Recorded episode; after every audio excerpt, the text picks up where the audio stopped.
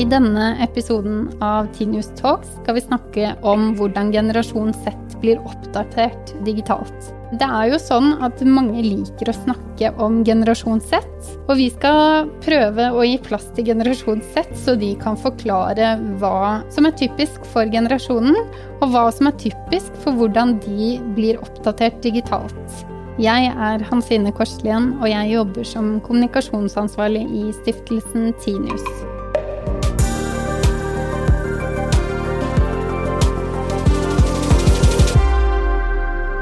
Skal prøve å få mest mulig informasjon fra gensetterne selv. Og derfor har vi med oss eh, Onell Elia, Emilie Solheim og Alice Lind. Vi eh, skal jo snakke om generasjon Z og informasjon, men jeg tenkte vi kunne begynne med generasjon Z. Så jeg skal ikke si mer om eh, hva jeg legger i generasjon Z, enn at vi i stiftelsen Tinius har definert det som de født mellom 1995 og 2005. Alice, vi kan begynne med deg. Hvordan har du lyst til å beskrive generasjon Z? Oh, det var en uh, svår fråga. Men eh, uh, jag skulle väl säga att vi är en generation som är väldigt sympatiska och uh, eh, håller ihop och vill göra en skillnad. Alice heter jag då. Jag bor i Linköping och pluggar här till läkare Eh, har gjort det i ett år och eh, bor i en liten etta med min pojkvän. Eh, och när jag inte pluggar så gillar jag att sy, spela, vara med kompisar och så. Ja. Vi är en generation som bryr oss väldigt mycket om mänskliga rättigheter och att vi ska ha mycket diversity och liksom främja olikheter. Både när det gäller liksom etnicitet, sexualitet och utseende. Vad med dig, Onel? Jag är nog lite inne på samma spår som Alice. Att vi är väldigt för att eh, lite det här world peace-tänket, att alla ska vara accepterade. Man försöker ja, men lyfta upp alla svårigheter och eh, problem som finns i världen. Jag heter Onel, är 20 år gammal, bor i Jönköping i Sverige. Jag pluggar till ämneslärare, alltså gymnasielärare eh, i svenska och religion. Uh, och lite det här med att man gärna får vara unik och inte som alla andra. Uh, och man, man, vill säga sina åsikter, så det blir lite samma som Alice. Vad menar du beskriver generation Z, uh, Emilie? Ah, det är ju, alla generationer har väl sina särpreg och grunden till att de får sina särpreg är väl hur samfunnet runt de är när de växer upp. Jeg er en 19 år gammel jente fra Stavanger. Akkurat nå går jeg på folkehøyskole og har egentlig et friår før jeg skal studere. Jeg føler meg som en helt normal jente. Som andre 19 år gamle jenter. Det generasjon Z har vokst opp med, er jo mye eh, teknologi. Og det teknologi har gjort med oss, vil jeg si da, at vi er vant med mye oppdateringer. Vi blir tvunget til å følge veldig med og være konstant oppdatert på verden. Og det tror jeg har kanskje gjort at mange i vår generasjon kanskje føler på et sånn et visst press. Men tror dere det er forskjell på generasjon Z i f.eks. USA og i Sverige? Alltså, jag tror faktiskt att det här med att man vill lyfta svårigheter och så i världen så tror jag det är ganska internationellt ändå. På sociala medier så märker man ju ofta att typ när det var BLM eh, så var det ju mycket unga som alltså pratade om det och lyfte upp det. Och det märker man väl i de flesta länder. Och även när det var demonstrationer och så. Sen så när det var just BLM så märkte man ju att i Sverige var det ju eller i Sverige var det fler ungdomar än vad det var i typ USA där det även var medelålders människor. Eh, men det känns som att ungdomar oftast är de som försöker ja, vara de här nya generationen som ska göra det bättre. Vilken sak vill du säga att du engagerar dig mest i Zelda, Onel? Jag tror jag är lite mer mot eh, miljöfrågor att vi behöver få ett mer hållbart samhälle. Eh, och det känner jag är väl också en grej som vi generation Z är lite bättre på. Eh, just för att det alltid snackas i media och skolan och så om att eh, vi är jordens sista hopp och att om inte vi bättrar oss och lär oss så kommer det inte finnas någon planet kvar. Typ. Så det är väl lite därför känner jag. Mm. Jag tänkte og på en måte få tak i hvordan dere navigerer når dere vil finne informasjon om en sak eh, digitalt. Jeg for eksempel fulgte veldig mye med på nyheter om Peter Madsen som hadde rømt fra fengselet i Danmark, og satt og prøvde å finne så mye informasjon som mulig om den saken. Og da tror jeg det startet med at jeg fikk et nyhetsvarsel på telefonen, og så gikk jeg over på laptopen min och så på kvällen så såg jag nyheter på TV för att se om det hade skett något mer i den saken. Hvordan kunne drapsdømte Peter Madsen flykte fra et høyrisikofengsel? Det er spørsmålet mange stiller seg i Danmark etter et Så Alice, er det en sak du har interessert deg for i det siste, og kan du fortelle litt om hvordan du fant informasjon om den saken? Det gick ju precis till som, du, eh, som för dig, att jag fick eh, en notis då eh, på min mobil. Jag kom in på Omni då och det, där kan man gå in på alla olika sidor. Den kopplar ju till en så att man kan gå in på andra sidor. Och då liksom satt jag och kollade lite och liksom gick in på alla olika för att se vad som fanns. Och sen så under dagen så kom det mer och mer notiser som efter tid liksom, som de upptäcker nya grejer om det. Men jag tror jag håller mig till mobilen. Eh, inte gått in på datorn skulle jag inte säga, utan det, jag håller mig till den. Mm. Vad med dig, Onel? Var det, kan du berätta om en sån nyhetsresa? Jag är lite som Alice, jag är med att mobilen är oftast var jag får mina nyheter. Eh, och det börjar väl alltid med sociala medier, skulle jag säga. Ja, men vi kan ta BLM som jag pratat om och som är ganska stor.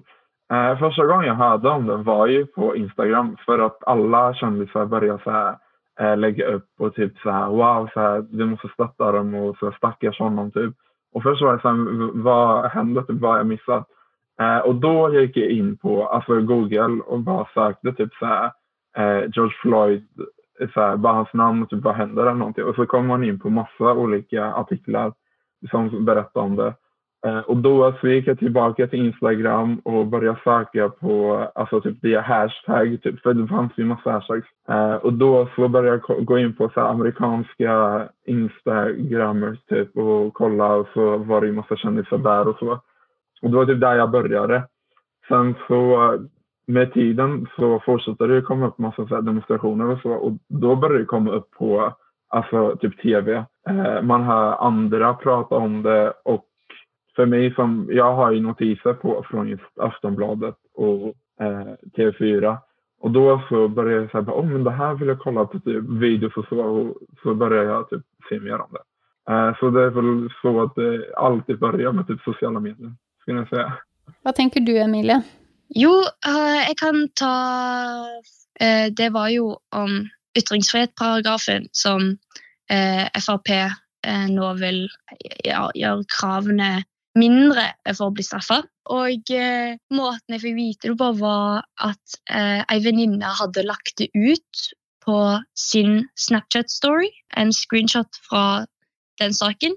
Og da gikk jeg inn på eh, sjøl, på Aftenbladet, og leste meg opp.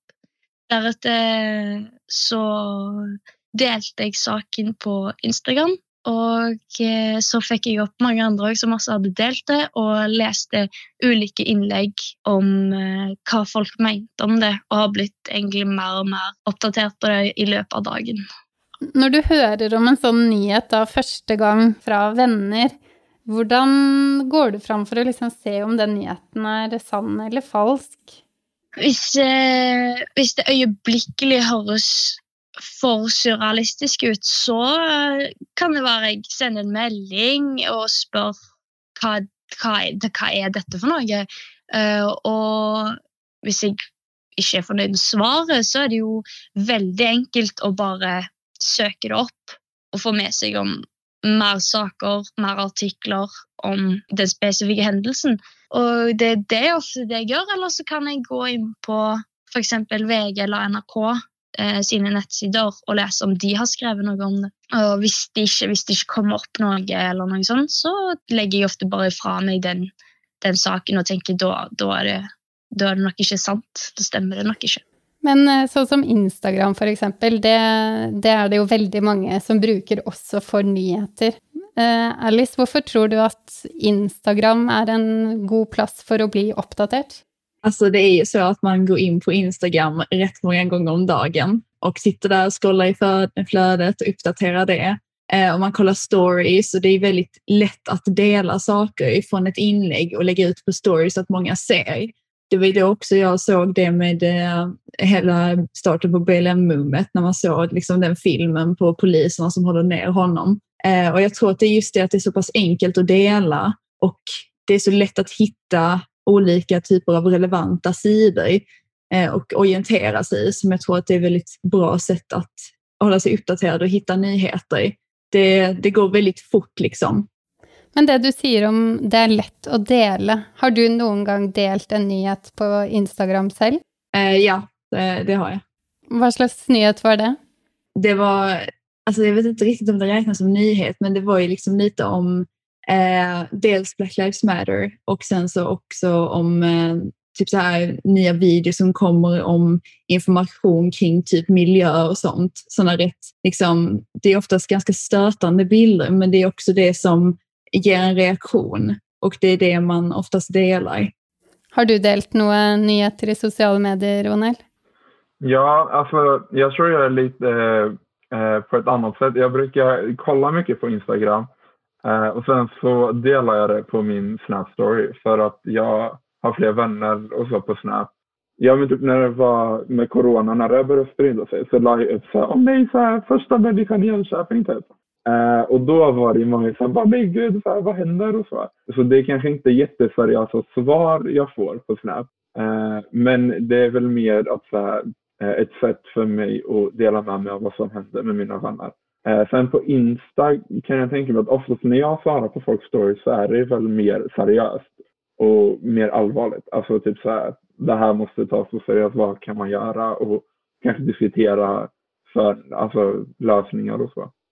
I en undersökelse som eh, stiftelsen Tinius har gjort om generationssätt och informationsvanor informasjonsvaner, så spurte vi de som svarte på den undersökelsen om de likte å like, dele eller kommentere nyheter i sosiale medier.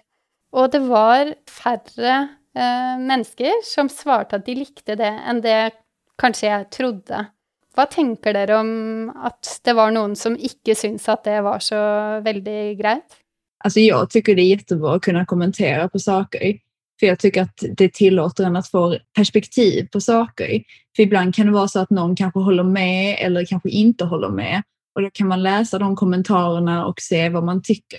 Så jag tycker definitivt att det är viktigt, i alla fall med att kommentera.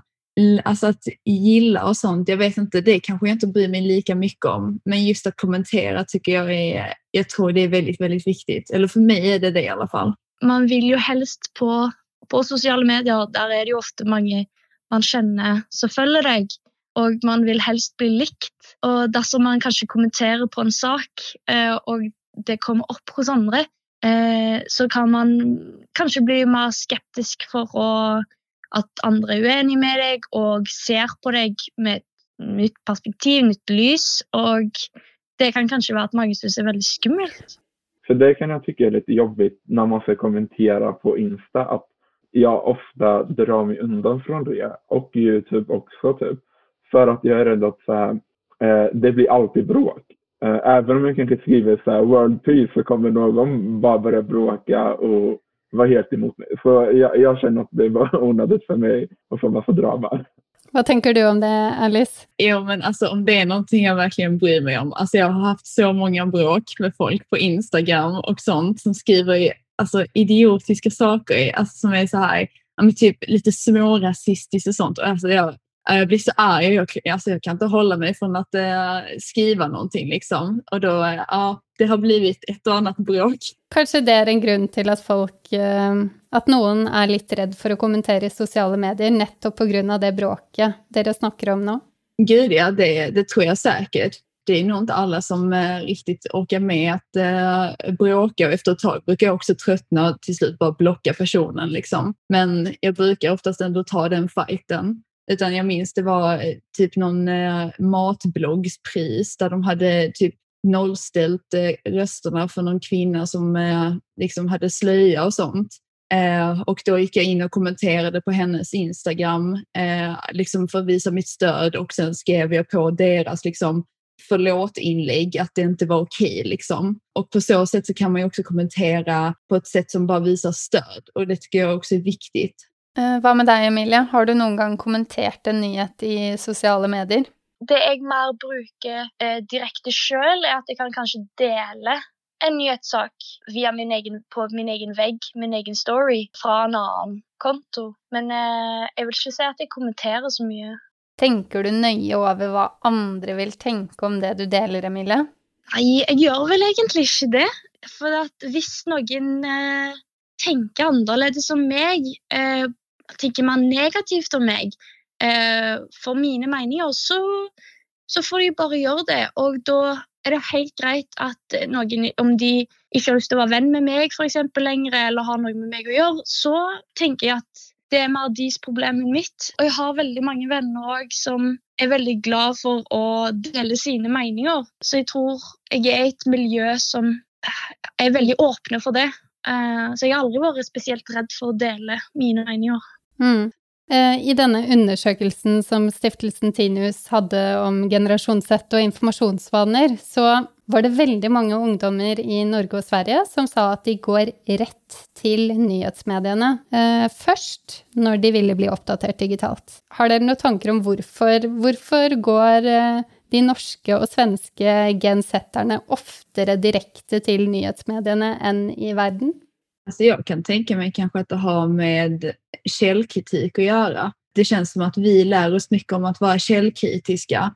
Och jag tänker att eh, om man jämför sociala medier versus en nyhetsmedia så är det ju ändå mer säkert eh, att det är korrekt, tänker jag. Lite beroende på vad det är för typ av nyhetsmedia såklart.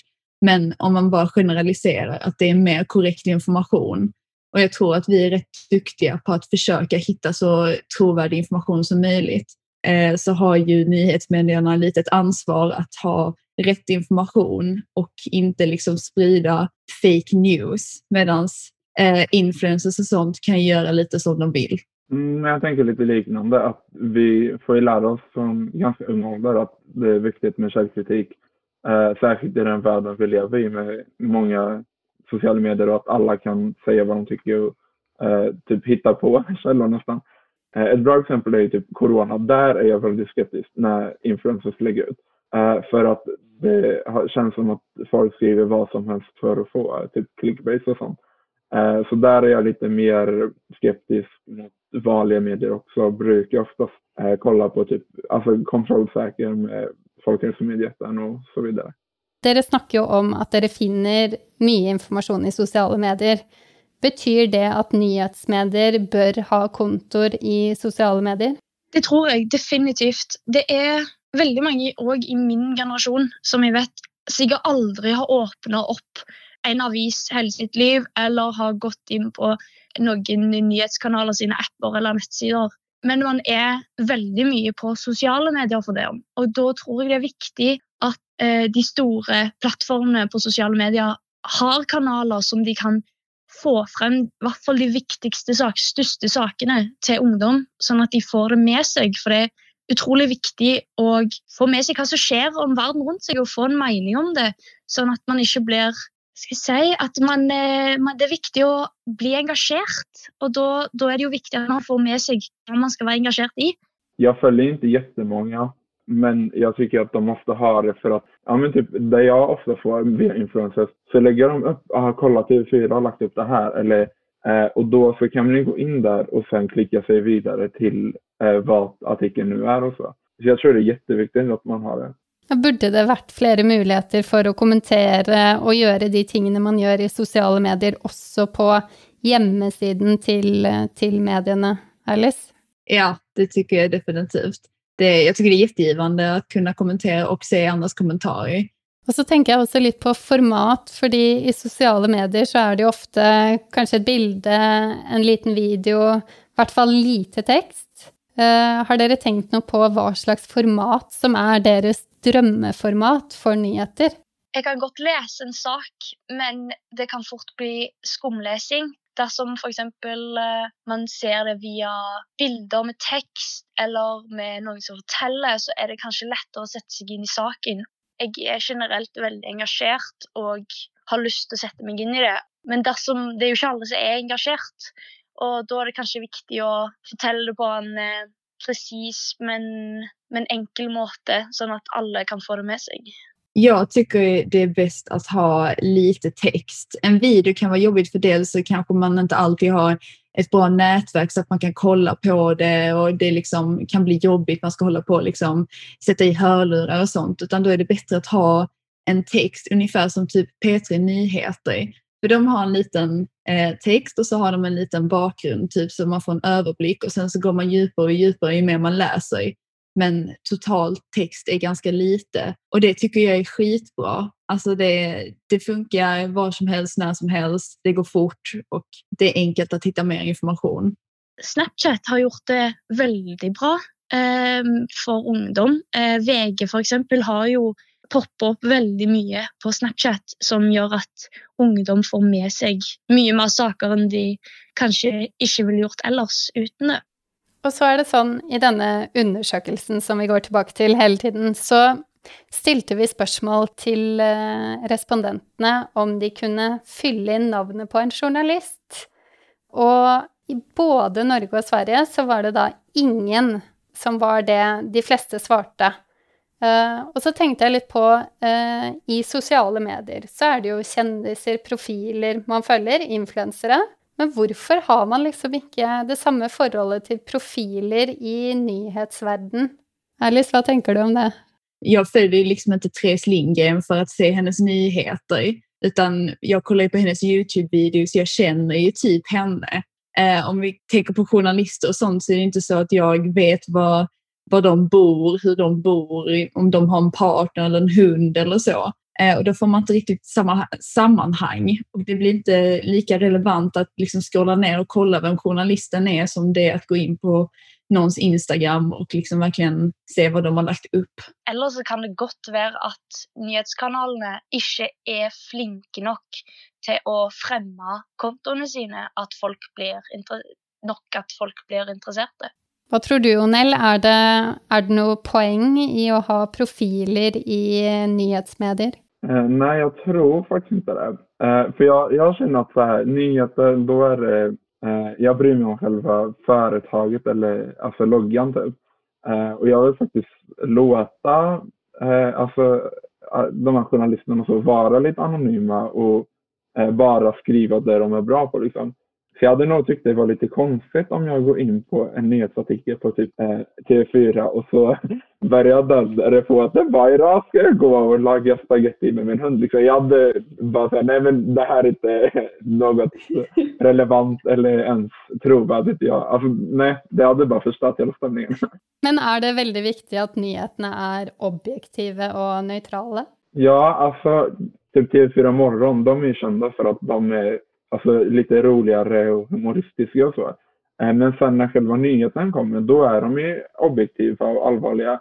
Och det är väl det som är det viktiga, att under själva nyhetssändelsen så ska det vara objektivt. I en global undersökelse från Reuters institut så säger 51 procent av generation Z att de föredrar att nyhetskilder är objektiva. Men 32 procent föredrar kilder som stöttar det man själv menar. Varför tror du en av tre omtrent menar det, Alice?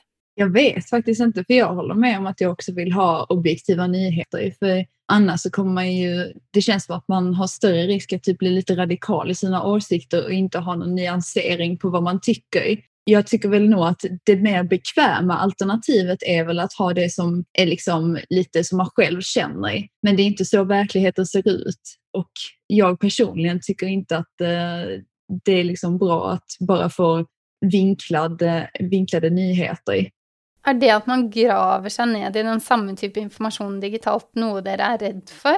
Ja, alltså 100 procent. Jag tror att det är en av de mest farliga grejerna med globaliseringen och digitaliseringen, att man kan gräva sig ner så djupt i en grej att man bara hittar information som stöder det man tycker.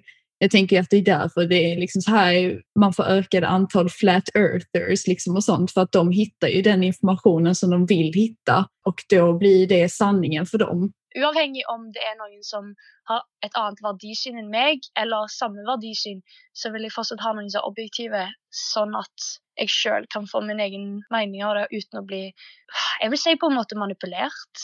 Det är väl det, liksom. ja, internet är jättebra för att finna kunskap men också jättebra för att hitta okunskap. Det är gott sagt. Men uh, i det bildet, da, jeg tror vi ska runda av snart, men i det bildet så kan man ju säga att medierna har en viktig roll, för medierna ska, som dere säger, uh, i hvert fall jobbe etter noen presseetiske normer. Eh, men i undersøkelsen vår så ser vi jo at det ikke er så mange i generasjon Z som har lyst til å betale for nyheter. Jeg tror det i Sverige var 15 procent som sa de betaler i dag, og 30% som vil betale i framtiden. Og så var det i Norge 20 procent som betaler i dag, og 40% som vil betale i framtiden. Hvorfor tror dere Jeg vet ikke, tenker dere at det er mange? Er det få? Jag tror det är lite så här, jag har ju premium på några nyhetssändningar, vad man kallar tidningar. Och det är väl främst för att jag som student får rabatt eh, helt gratis på några. Sen så nu i efterhand så känner jag så här, ja men jag får ganska mycket så jag kommer förmodligen första prenumerera sen när jag är börjat jobba och få fast lön. Men jag tror att anledningen varför så få vill betala är väl för att man tänker att man kan hitta informationen gratis någon annanstans. För att man just har tillgång till internet och så. Jag tänker att de äldre generationerna kanske inte riktigt har liksom den kunskapen att leta upp på andra ställen och håller sig väl till, ja men jag har alltid prenumererat på Sydsvenskan och ska jag alltid göra det liksom. Jag tror att det kan ligga lite i det också. Vad synes du om de norska talen, Emilia? De 20% av det syns jag det överraskar mig inte de 40% at de kommer til å betale, overrasker meg faktisk veldig. For sjøl så ser jeg ikke helt behovet for å betale for nyheter. Jeg bruker det veldig ofte og har det veldig greit med å eh, ha eh, appene til nyhetskanalene som jeg kan gå inn på og få varsler fra. Uh, sakene som er, man må betale for, er ofte ikke de mest kritiske, akutte sakene å lese. Det er ofte mer tips for hverdagslivet og kanskje ikke Og mer drama, vil jeg si. Men hvordan vil det gå med mediene i framtiden hvis, uh, hvis uh, folk bare prøver å finne den informasjonen selv gratis på internett? Jag, jag hoppas ju att man kanske, alltså, som Onell säger, när man blir äldre så tjänar man lite mer pengar och då kommer man vara mer villig för att betala. Och då fortsätter det lite som vanligt. Eh, alltså med tiden, så, när vi blir äldre och så, eh, så blir det väl alltså vi som den relationen och då redan har anpassat oss till teknologin. Jeg tror, jeg tror framtiden er lys for media. Man kommer alltid til å ville eh, oppdatere seg, og det blir bare bedre og bedre å oppdatere seg. For at før så gikk man fra å lese i en papiravis, mens nå kan man få en nyhetssak på mobilen etter et par minutter hendelsen skjedde. Så jeg tror det kommer bare til å bli bedre og bedre. Så bra. Da tror jeg jeg takker for denne gang. Og så var dette en podkast fra stiftelsen Tinius. Med oss i studio har vi hatt Onell Elia, Emilie Solheim og Alice Lind. Tusen takk.